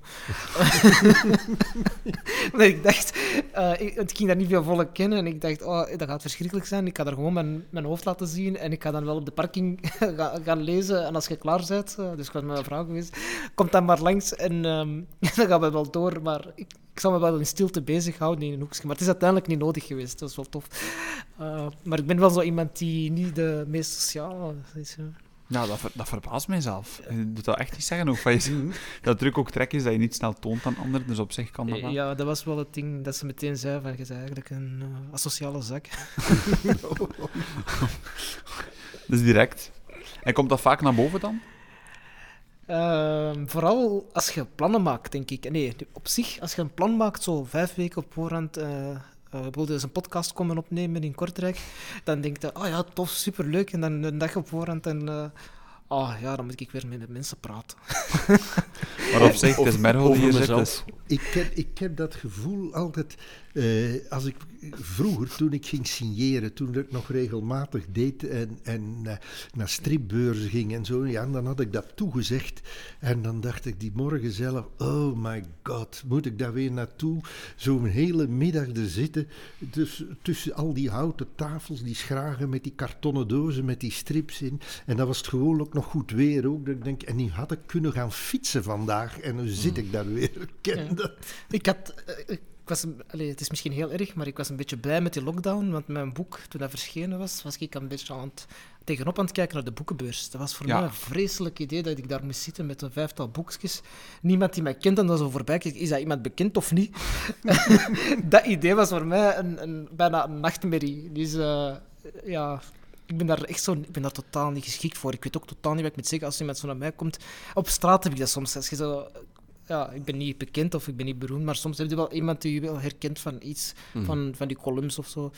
En dan kom je op straat en dan zeggen die, hey, kijk hoe je column, of eh, ik heb je boek gelezen, fantastisch. En dan begin ik zo, precies alsof dat ik nog nooit sociaal contact heb gehad, dan begin ik iets te zeggen waarvan ik denk, achteraf, ezel, wat zeg je? Dit is gewoon, toon gewoon normaal sociaal gedrag, is dat nu zo moeilijk? Maar ik vind dat gewoon heel ongemakkelijk. Zo. Ja, ja. Ehm, en dat is niet om arrogant te doen, ik denk dat ik dan ook echt effectief arrogant overkom. Mhm. Als zo van, die, die, wordt hier, is hier, eh, die voelt zich te goed. Helemaal niet. Integendeel, ik voel me beschaamd bijna Ja. dat je mij aanspreekt. eh. Want in, in de lockdown waren veel mensen op zichzelf aangewezen, mochten niet zoveel contact hebben. Dat was eigenlijk een zalige periode voor jou dan. Dat was wel, ja. Dat, dat was, eh, ik vond dat, heel, ja, dat is heel erg natuurlijk. Er was heel veel miserie natuurlijk op dat moment. Maar ik, ik was niet treurig dat we verplicht moesten thuiswerken, bijvoorbeeld. Nee, Dat ik niet meer nee, moest nee. pendelen met de trein. Dat was een godsgeschenk. Maar soms zeg je dat toch, dat de mens iets meer asociaal mag zijn en een keer een moment mag hebben van kijk, sorry, maar ik moet je niet gestoord worden en ik heb geen zin in sociaal contact. Maar ik vind dat, eh, ja, ik vind op zich nog zo gek niet hoor. Ja, en ik denk dat, daar- dat er zo heel veel schroom is ook om dat uit te spreken tegenover vrienden bijvoorbeeld. Want Ja. dit, wie- soms heb je zo van die WhatsApp-groepen waar je dan in zit en dat er dan een heel programma wordt uitgestippeld voor komende vier weken met vrienden. Eh, en ik ben heel blij dat ik mij nooit in zo'n WhatsApp-groepen zit. Eh, daardoor ben ik misschien ja, een beetje afgesloten denk, ik, van mijn Mhm. vriendengroepen en zo. Maar ik vind dat ook niet heel erg dat ik Nee. het meest sociaal wezen ben. Ik bedoel, kan ook, ben ook zo iemand die zonder problemen alleen naar een theater of naar een cinema zou kunnen gaan. Ik zou me daar Ja. echt nooit voor schamen. Of, eh, Mhm. of alleen op restaurant. Ik zou me daar echt... Ik heb dat nog niet gedaan, maar ik zou dat wel doen als ik zo zeg. Oh, Ja. Er is niemand, dan ga ik wel. Mhm. Dat Dus, zou eh, ik, dat zou ik, ja, eh, nu alleen naar het theater of alleen naar de bioscoop, maar alleen uit eten gaan, daar zou ik het moeilijk mee hebben. Eh, ik weet bijvoorbeeld, ik, ik hoorde onlangs eh, van David Davidsen, eh, die gaat het liefst alleen op restaurant. Eh, Gewoon, dus dan kan ik veel meer genieten van al de smaken. Mhm. Eh, en dan hoef ik daar niet te praten en, en eh, te socializen de hele tijd. Dan kan ik echt me concentreren op mijn voedsel. Maar ik, ja nee, ik vind... Voor zover zou ik nu ook weer niet gaan. maar ik zeg, als, als het zo... echt, ja, ik zou daar geen probleem mee hebben, denk ik. Ik zou dat... Nee. Ja, Want eten blijft bij uitstek een sociaal sociaal, gebeuren, ja, denk ja, ik. ja, ja. ja. En dat hebben we ook gemist. Hè. Het was net ook dat je het zei, Mergo, uiteindelijk ook met eh, heel de coronasituatie, dat je ja, niet op restaurant kon. Hè. Het was allemaal thuis te doen. Ja, dat, dat, dat was wel, wel de dingen die, die, die ik het meeste miste. Ja, ik, thuiswerken ben ik ook gewend. Ik heb altijd, eh, altijd thuis gewerkt, dus dat maakte weinig verschil uit. Eh, maar die sociale contacten. Maar nu ondervind ik, nu dat allemaal weer kan, dat je precies een beetje terug moet leren. Want zo terug, oh jongens, een volle agenda. En moeten we vanavond daarheen? Oh nee. En, ja, je moet terug een beetje, ja, je moet je forceren wat te zeggen, ik ga dingen doen. zo ervaar ik het toch. Ja. Ja. We, we waren een zekere rust gewoon Ja, en ja. dat is nu een beetje En die verstoord is, terug. die is weg. Ja, Ja, je moet toch ook alles inhalen soms. Dat is niet zo... Je hebt zo precies het gevoel, we hebben anderhalf jaar ons leven op stop gezet. En Ja. we moeten opnieuw ja, mensen, ja, met mensen gaan eten en terug, Mhm. iedereen terug opnieuw gaan zien. Dus, eh, Het was langs iemand die zei, we moeten niet alleen op de play-knop duwen nu, maar het is de directe forward-knop ook. Want het moet allemaal sneller en je moet iedereen zien. Ja, ja, ja. Dus, eh, Moet in principe niet. Ik denk eh, dat, dat, dat dat misschien nog eh, soms moeilijk ligt voor mensen. Want het moet, in principe moet Mhm. niks. Hè. nee, nee, nee. Eh, en dan moeten we denk ik wel eerlijk in zijn. En, Ja. en dan moet je wel openlijk over communiceren. En ik ben daar ook wel... We zijn Mhm. daar wel ook met mijn vrouw... Ik en mijn vrouw we zijn er wel heel goed in, denk ik. Zo het managen van onze tijd. En, en Mhm. wij gaan bijvoorbeeld heel graag eten, maar dan... Dan zorgen we ervoor dat dat ook de moeite waard is. Dat je dat ook doet met mensen die je graag hebt. Waar je ook, Ja. als je daar op zo'n avond zit, dat je daar geen enkel moment het gevoel hebt van eigenlijk had ik ook even goed thuis kunnen zitten. Ja, ja. oké, oké. Jullie zijn eh, schrijvers. Dat wil zeggen dat jullie ook verwonderd raken door eh, dingen. En dat jullie ook met vragen zitten natuurlijk, waarop je graag een antwoord wil krijgen. Zijn er zo van die vragen in het leven waarop je echt wel een antwoord nog wil krijgen, Mero? Jij hebt al een groot deel van je leven achter jou. Mhm. Zijn er nog vragen die je beantwoord wil zien? Ja, dat is heel gek. Eh, ik zou eigenlijk graag binnen mijn leven nog een antwoord krijgen op de vraag: waar zit dat paneel van het Lam Gods verstopt? En blijkbaar ben ik daar onbewust mee bezig, want ik wist het zelf niet. ik heb dat in de hele reeks in de Kiekeboes is dat al drie keer voorgekomen. En dat waren twee keren zo malafide kunstverzamelaars twee verschillende die het in hun bezit hadden. En dan is het nog een verhaal dat er iemand een theorie had en vermoedde dat het verborgen zat onder het huis van de kiekeboes. Dus ik, blijkbaar zit ik daarmee. En, eh, dus ik, ik hoop dat ik, het, dat ik het ooit nog meemaak, dat ik dat nog meemaak van daar zat het dus. Heb je nooit zo het, idee gehad om dat zelf op te gaan sporen, om daar een, hobby van te maken? Je zit daar precies wel, je er echt wel wakker van. Nee, nee niet, maar ik heb ooit er wel eens een, eh, een, een heel goed boek over gelezen, over de, de commissaris, de politiecommissaris die daar mee bezig geweest is en na zijn pensioen, eh, Mortier heette hij geloof ik, uh, en uh, die daar een boek heeft over geschreven. Ja, en dat las als een thriller, heel, heel dat verhaal. En ja, het, het heeft me altijd het, ja, het is zo'n verhaal dat ook altijd terugkomt. En uh, het heeft me altijd gefascineerd. Mm. het, het, heeft ook iets van een langgerekt uh, detectieve verhaal. Ja, ja, ja, ja, ja, ja, ja, ja. Oké. Okay. Heel toegepast wel. Ik vond dat, uh, Ik vond dat een heel origineel ja, antwoord. heel origineel antwoord, denk ik. Mohamed, ga je erboven? Of wat is jouw... Uh, dat is zo onnozel, maar... Op welke vraag wil jij graag eens een antwoord? Ik heb gewoon, als ik uh, thuis zit en, en de kat loopt voorbij... En zo rusteloos soms, zo over en weer. En dan springt ze op de zetel, gaat ze zo liggen. En dan kan, kan hij zo mij twee minuten bijna aanstaren. En dan staar ik er terug naar en dan vraag ik me echt gewoon af... Zit je eigenlijk gelukkig? soms stel ik mij echt die vraag van... Dat huisdier, dat loopt hier heel rond. Je, dat is leven effectief in huis. Mm -hmm. Maar dat is ook een kat die niet buiten gaat of zo, maar die heeft daar ook totaal niet nee, de nood aan. Dat is zo'n typische huiskat. En die doet ook heel een dag niks. Dus die is heel een dag um, aan het slapen of in de zetel aan het, aan het innemen en dan naar u aan het kijken. En dat is een, ja... Dat vind ik zo, zo raar, dat ik denk van... Zit je eigenlijk wel gelukkig? Je, want je hebt je eten, je hebt je uh, onderdak en... Mm -hmm. Meer, moet je, heb niets meer nodig? Ben ik je goed aan het behandelen? Dat kunt, je kunt dat gesprek niet, gesprek niet voeren. Dus ik vind dat zo fascinerend eigenlijk. Van. Het kan even goed zijn dat hij mij echt haat. Hè? En dat hij daar zo echt zegt van, ik wil hier eigenlijk totaal niet zijn. En dan zit ik er naar te kijken van, oh zie, die heeft, uh, die heeft mij een oogkusje gegeven. Dat kan even goed zijn dat hij zegt, oh, fuck you, gast. dus dat is bij mij echt... Oh, ik zou dat echt eens een keer... Ik heb dat zo vaak gedacht van... Ik wil eens gewoon een minuut met die kat babbelen en ik wil gewoon weten wat gaat er door je heen. Die, die blik zo, wat die, die kan zo'n blik hebben van wat hij alles precies denkt en die heeft zo ook zo'n, ik kan dat nu moeilijk beschrijven, maar die heeft zo een, een chagrijnige blik ook. Ja. En, en dat maakt het soms dat ik me afvraag, zit je eigenlijk wel gelukkig of zit je echt met, tegen je goesting? Dan moeten wij hier een oplossing voor gaan zoeken. Voor...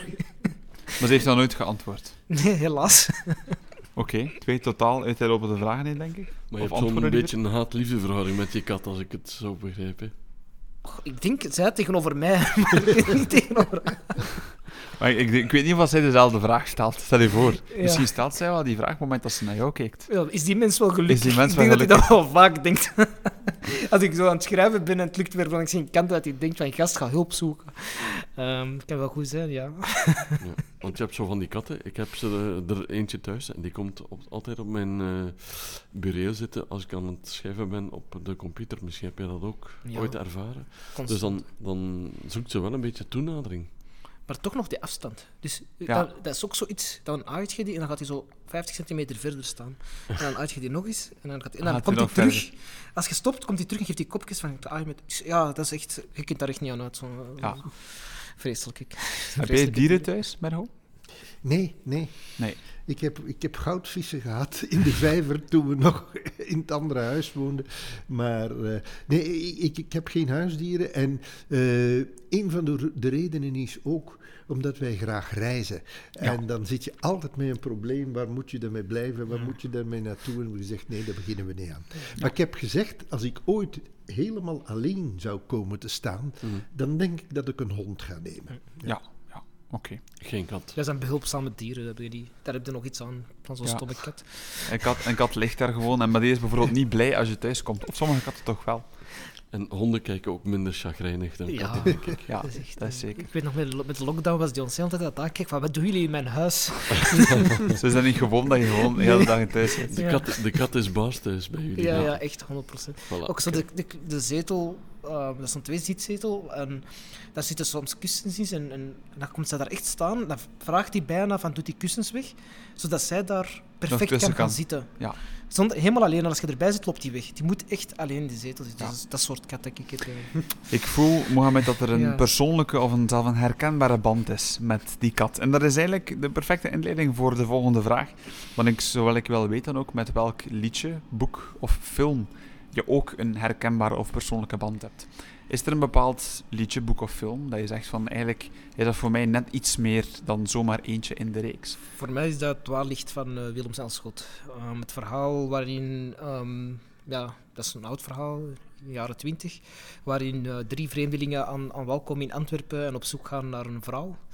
En eh, het personage ehm, ontmoet en gaat hen, neemt hun mee door de stad. Eh, en dan gaan die met elkaar in gesprek. En dat is een van de mooiste teksten die je kunt vinden. Ehm, en ook, waarom is dat zo, eh, voor mij zo Ehm, zo persoonlijk, dat ik me er zo persoonlijk voel. Ja, Willem Elschot is de man van de literatuur, van de Nederlandstalige literatuur, Antwerpenaar. Ehm, dus alles wat hij schrijft is sowieso al heel herkenbaar. De, de wereld waarin, waarin ik woon is eigenlijk gewoon wat hij schrijft, maar dan 100 jaar geleden. Maar anderzijds de thematiek van dat verhaal over ehm, vreemdelingen die in Antwerpen aankomen ehm, en hoe hij daarover schrijft, als je dat verhaal leest en je zou dat vandaag opnieuw uitgeven, het blijft relevant. Het gaat Mhm. over ehm interreligieuze dialoog over God enzovoort, maar het gaat even goed over... Hij heeft een gegeven moment een, een, een passage waarin hij zegt ik eh, benijd deze mensen, het hoofdpersonage, ik benijd deze mensen omdat zij eh, niks geven om onze idolen, om onze wetten, om onze politici enzovoort enzovoort. Ik benijd hun, want ik ben hier eigenlijk een beetje de idioot. En ik ben zo blij dat zij dat allemaal niet kennen. En dat is zo geestig, dat is zo goed. Er zit ook een stukje in over dat hij zegt over eh, de politie en vreemdelingen, dat dat toen ook ehm, Moeilijk was. dat dat ook een moeilijk verhaal was. Dus dat is zo'n verhaal, ik denk als je dat bijvoorbeeld in een school in, in, in Antwerpen-Noord of op Kiel, waar je een heel, eh, heel veel nieuwkomers hebt, als je dat verhaal daar opnieuw brengt en actueel maakt, dat dat ook voor hun is. En dat is ook een heel mooi voorbeeld van hoe je literatuur en geschiedenis en, en erfgoed ook ehm, dat van hier is, dat je dat ook nog altijd kunt laten zien van kijk, dat is ook van u. Uh, en daarom is Willem, Willem Elschot ook zijn, al zijn andere boeken en al zijn andere verhalen zijn voor mij fantastisch. Ik ben daar een grote fan van. Zeker van zijn humor ook. Een fantastische schrijver. Echt tijdloze literatuur eigenlijk. Ja, zeker. Ik denk dat er niks is dat uh, kan overtreffen. Ik bedoel, um, je hebt zowel andere schrijvers. Uh, Hermans bijvoorbeeld lees ik ook heel graag. Maar Willem Elschot is alsof dat ik met mijn buurman praat. Die veel meer weet over mij en, en die zo grappig is en waar ik zo een hele dag wil bij gaan zitten en wil gaan luisteren naar zijn fantastische Ja. verhalen. Zo ervaar ik echt als ik zijn boeken lees. Mhm. Merel, ben jij een fan van Elschot of, of sta je daar verder van? Nee, ik ben een heel grote fan van Elschot. Ik, ik onderschrijf alles wat Mohamed zegt wat dat betreft. Nee, Eh, het is ook eh, heel modern nog altijd, ook stilistisch. Eh, hij heeft een hele, een hele sobere taal. Het is een van de weinige schrijvers van die generatie die nog zo leesbaar zijn. Hè? Want je hebt dat na een tijd, schrijvers bijvoorbeeld Streuvels, Ernest Klaas en die dingen, dat, dat, dan- Beetje belegen. dat is belegen, maar hetgeen dat Elschot geschreven heeft en, en op, op, in zo'n zakelijke stijl, dat is, is fantastisch. Ook de figuur van Elschot zelf heeft me altijd geïntrigeerd. Ik heb er verschillende biografieën over gelezen en, en eh, de man zelf is ook wel, wel, wel eh, ja... Je, is een man waar je geen vat op had. En ik, ik hoorde een tijd geleden, was in het Letterhuis een tentoonstelling over Elschot. En dan hadden ze eh, fragmentjes. En eh, dan eh, hoor je Elschot op café met zijn vrienden. In het platste Antwerps dat je kunt indenken.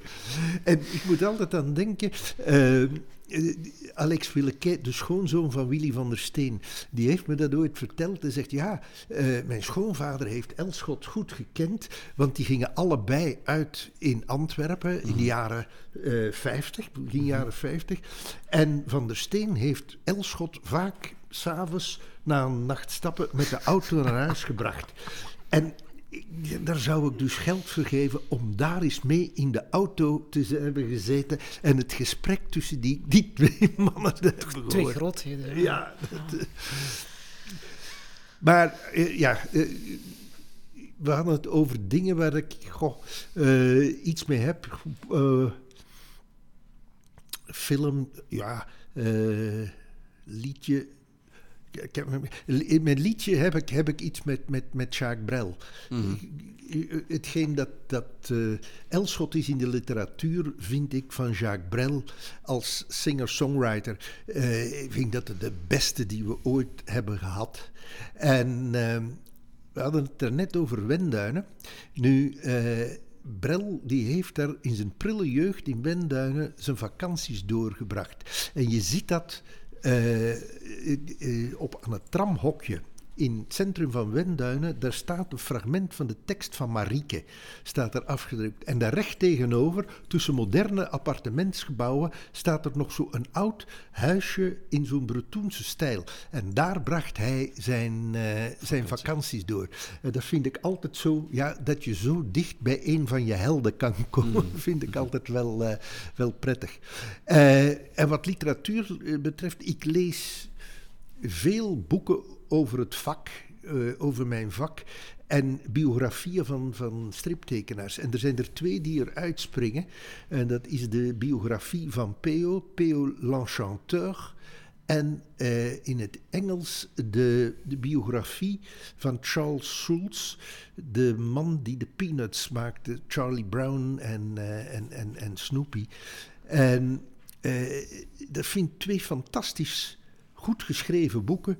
En ook wat er leuk aan is, ik kom er mezelf overal in tegen. Ja. En dan, dan zie je dat die mensen, dat zijn zo'n grote mensen, maar die hadden uiteindelijk dezelfde problemen. Dezelfde problemen met hun uitgever, met de, hun klachten over de distributie, eh, problemen met hun medewerkers en zo. Er komt altijd diezelfde dingen terug. En ik vind dat altijd zeer verhelderend eh, om te lezen. Dus trouwens ook van, van Schulz is een heel mooie uitspraak. Eh, dat is over, over een striptekenaar. A cartoonist is someone who does every day the same thing without repeating himself. Dat vind ik een hele, hele mooie. En daar ken ik mezelf ook wel in. Eh, Komt er ook een biografie dan van u? God, dat weet ik niet. Dat moeten ze maar zeggen. Dat zou, ik ook willen, willen lezen dan, toch? Er is, er is een boek, eh, toen ik, toen ik eh, 65 werd, is er een boek gemaakt, Merro Zwart op Wit. En dat is een, een interviewboek. En dat is een heel lang interview. Eh daar hebben we samen met Toon Horsten, die de, de, de vragen heeft gesteld en, en het alles leidde en, en redigeerde, eh, drie dagen in, eh, in de Ardennen gezeten. eh, Putke Winter en eh, in een bungalow van zijn ouders. En daar hebben wij met twee toen gekampeerd en hebben drie dagen eh, hebben we interview gedaan. En ik weet nog toen ik thuis kwam en ik belde met mijn dochter en die zegt, in welke kroeg heb jij vannacht gezeten? ik kon bijna niet meer praten. Zo'n soort dingen. Fantastisch. Dat, eh, En ben je iemand die echt, die echt tijd maakt ook om te lezen dan? In de, in de week of, of is dat bijvoorbeeld Eh, weekend? ja, ik, ik, ik ben een, eh, een bedlezer. Ik lees, ik lees elke avond in bed. Eh, in de weekends lees ik, lees ik wel meer en in de zomer ook als je buiten kan zitten op het terras.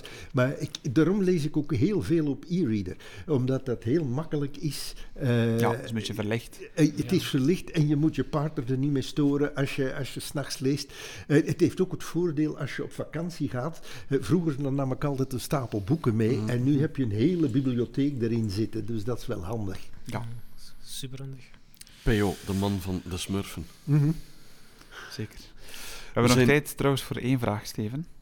Oké, dan gaan we voor die, voor die ene vraag. En dan eh, gaan we eventjes ons laten inspireren, want jullie hebben inspirators nodig als eh, schrijvers, dat kan niet anders. Eh, zijn er mensen die bekend zijn, die jullie geïnspireerd hebben of dat nog altijd doen. Eh, het is altijd goochelen met namen natuurlijk dat we dan doen bij die vraag, maar dat mag. Merro, misschien nog eventjes. Ja, ook. Eh, bij mij zijn dat gewoonlijk mensen die met humor bezig zijn. Meer dan mensen bijvoorbeeld in het vak. Eh, ik, ik, heb al, ja, zo- ik heb dat al vaker verteld, dat eigenlijk strips maken, dat is mijn tweede keuze. Wat ik eigenlijk had willen doen, dat is op, tone- op podium staan en, en cabaret doen. Stand-up, cabaret. Eh, eigenlijk in mijn jeugd was ik grote fan van Toon Hermans.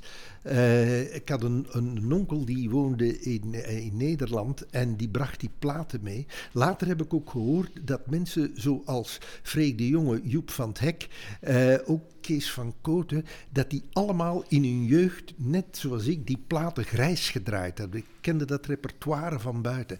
En eigenlijk, het, het liefste van allemaal had ik Toon Hermans willen worden.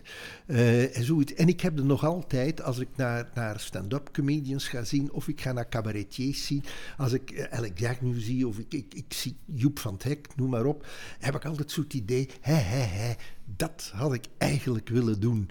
En eh, ja, dat inspireert me wel, want ja, hetgeen ik probeer te doen met de kiekeboes is ook een beetje een vorm van cabaret op papier.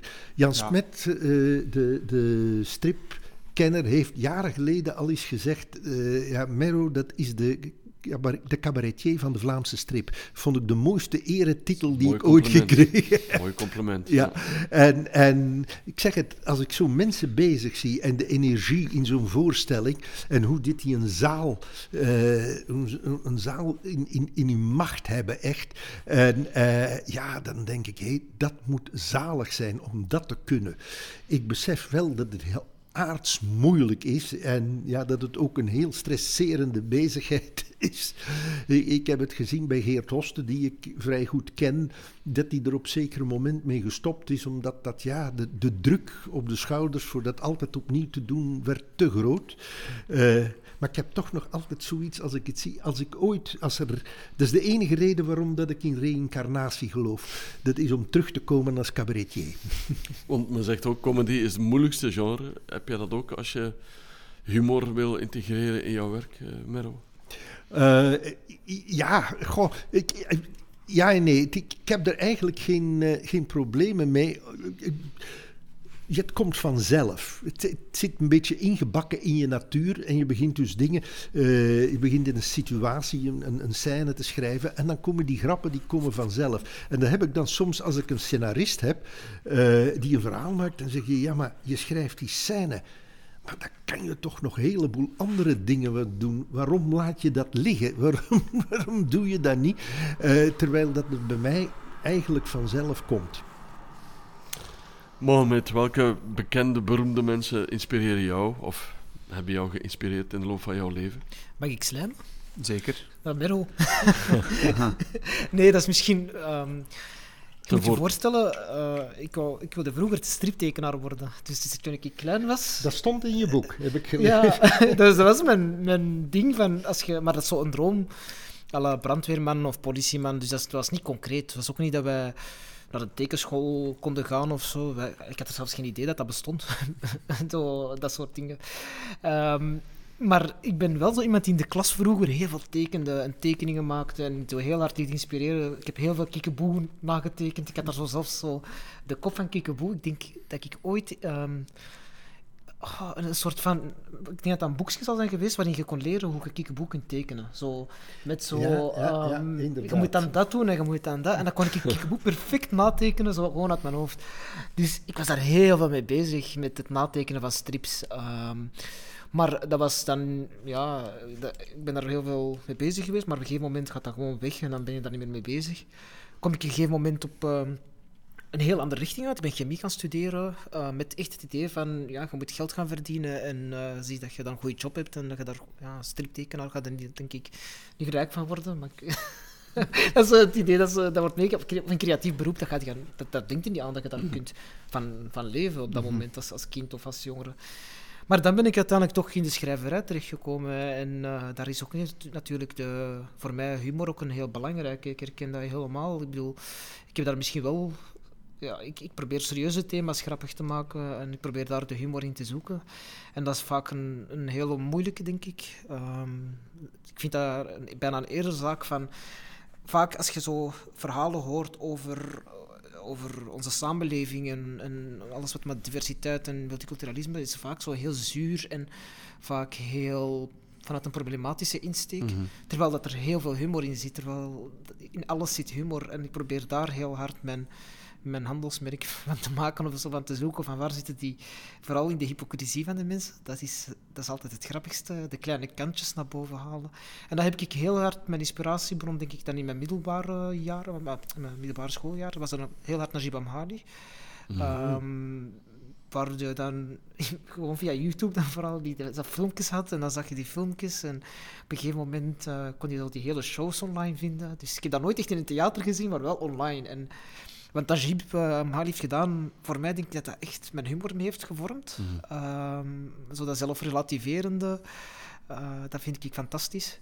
En dan ben je ja, zelf beginnen ontwikkelen en dan denk ik ook aan namen zoals je hebt ook... eh, Kees van Koten, dat is voor mij ook eh, een van mijn zijn verzameld werk. eh, probeer ik allemaal zo wat te kopen. Zijn columns als columnist kijk ik daar heel hard naar, naar, naar op. Fil- dat- filmpjes ook, Code en B en zo. fantastisch. Ja, Eh, mooi, super grappig, blijft heel, heel grappig. Ik ken één fragmentje, de, de Turkse groenteboer. Dat is een fantastisch fragment waarin eh, zo de, ehm, de, Turkse, eh, de Turk bij de groenteboer. Dus dat je een, een Nederlandse groenteboer ziet en die vertelt dan: eh, Ah ja, bij mij komen heel veel Turkse mensen, vreemdelingen, komen bij mij van alles ko- kopen. En dan begint hij zo, komt er een Turkse man binnen en dan begint hij zo heel kleinerend en, en zo onnozel tegen te praten alsof dat hij niks van begrijpt. Maar die Turkse man spreekt gewoon Die Nederlands. speelt keurig, heel keurig Nederlands. Heel mooi Ja, Nederlands. ja, ja, en hij is zo, moet je een banaan kopen? kopen, lekker, lekker. En dan gaat hij zo naar buiten, die Turk, en dan zegt hij zo, dan sluit daar het van, ja, ik vind Nederland eh, een heel mooi land, de mensen zijn heel aardig, maar hun taal gaat wel heel hard achteruit. Fantastisch, dat is echt over mij een filmpje, dat is wel echt heel hard, ja, die, die, Bee. dat is echt mijn humor allemaal, en, en dat heeft mij zeker wel gevormd, en... Ehm, maar anderzijds denk ik ook aan, eh, jullie hadden gevraagd beroemdheden. Als het echt over beroemdheden gaat, dan gaat bij mij echt bij Will Smith, wat hij heeft gedaan ehm, vorig eh, decennium. Als je naar French Prince of Bel-Air kijkt, ik ben daarmee opgegroeid. Ehm, dat is ook die humor, die aanpakken van serieus, serieuze onderwerpen, om daar toch nog een laag op te zetten van... Mm. Wat hij heeft gedaan, denk ik. Je had ofwel mensen die Friends keken, ofwel bij French Prince of Bel-Air. ik, eh, ik vind Friends verschrikkelijk qua humor, maar French Prince of Bel-Air, wat daar... ehm, ja, vind ik fantastisch. Dus dat is voor mij altijd wat die serieus, maar daar wel proberen uit die miserie humor te vinden. Ik Ja. denk dat dat een van de mooiste dingen is dat je kunt doen. Ik vind het wel mooi trouwens als we vragen naar de inspiratiebron, dat er iemand dat de ene gast de andere gast ook aanduidt. Vind ik heel mooi. En we denken nog niet gehad, Steve. Nee, nee, nee, dat is waar. Jullie zijn de... Jullie zorgen, jullie zorgen voor de primeur. Goed zo, we zijn op het einde ge- gekomen van deze reis. Het was een eh, reis die ons op verschillende domeinen heeft, heeft gebracht. Ik vond het heel boeiend zelf. Hebben jullie het ook zo ervaren, Merro? Hoe, hoe kijk je terug op deze reis? Nee, ik vond het heel, heel, heel prettig. eh, Het, het, het- de tijd vliegt natuurlijk. Hè. Eh, het, het lijkt me dat we maar tien minuten gepraat hebben. Ja. het, is, het is veel langer. Nee, ik vond het, vond het heel aangenaam. En ik vond het heel eh, fijn om langs deze weg mooi mee te leren kennen. Eh, Want we hebben al elkaar eerder ontmoet. En eh, ik denk dat ik tien jaar was. En dat was op een eh, dag van de socialistische mutualiteit in Blankenberg, als ik me niet vergis. oh ja. En ik denk dat dat... ehm dat wij zijn, ja, ik, ik, ik ben opgegroeid ook zo in moeilijke omstandigheden enzovoort. En zoals jij zei van vroeger, zat jij nooit voorbij Blankenbergen geraakt. Was dat voor mij denk ik ook de eerste keer dat ik ergens op naartoe ging buiten Antwerpen. En je wordt daar aan het signeren. En eh, ik ben daar toen ook als klein kind, als kleine jongen, heb ik zo mijn strip afgegeven. En heb je zo'n tekening in gemaakt. En dat is denk ik voor mij toen zo'n dag dat ik... ehm, ja, ik ga dat nooit vergeten. Dus dat is Ah, voor bon. mij- Daarom, ik wilde hier echt opnieuw zijn, om zo eens terug naar elkaar... eh, Ik denk dat dat ondertussen, ja, dan gaat begin 2000, Ja, vroeger ja, zijn, ja. dat gaat over 20, 25 jaar geleden spreek, spreek ik dan. Aha. Dus, Het is een ehm, hele tijd. Het heel was leuk om eens Steve te zien. Stevaart was het. Steve Stevaart, ja. Ik heb die toen ook ontmoet en dan stond hij daar, ja, echt, we kwamen dan met de treinen, die waren dan ook, zo, ik weet niet, heet dat charter dan voor trein, ik weet dat niet. Ja. Gereserveerd dan voor, de, voor die dag, dus eigenlijk met allemaal naar, naar Blankenberg en dat stapte uit en hij stond dan daar om zo de mensen te ontvangen en de handen te Ja. schudden en ik weet nog dat ik zei, ehm, wie is die man? En zei, ja, dat is... dat is Steve Stevaart en, en dat is een politicus. En, ehm, die heeft dat hier allemaal georganiseerd. of zo. Dus dat was echt... Ja. Ik herinner me dat heel sterk. Dat was een charismatische man. Voor mij toen gigantisch groot. Ik herinner me Mm. dat nog, dat was precies een reus. Ehm, dat was, die dag zit nog echt in mijn, in mijn hoofd gegrift. echt. Dus eh, Hmm. ik ben heel blij om je nog eens een keer dan via deze weg terug opnieuw te ontmoeten. Fantastisch. Na 20, 25 jaar. Goed zo, dankjewel voor jullie komst. Het was eh, fijn, eh, heel aangenaam ook om jullie beter te leren kennen. En zeker ook eh, de verhalen uit jullie levens te mogen beluisteren. Dankjewel Zeker. daarvoor. Het gaat jullie goed. Pieter Jan, dankjewel ook voor jou. Alleszins ook aan jullie bedankt voor jullie aanwezigheid en eh, nog veel succes in alles wat jullie doen. Merci, bedankt Dank voor de u. uitnodiging. Tot binnenkort. Tot tweespraak. spraak. Tot tweespraak.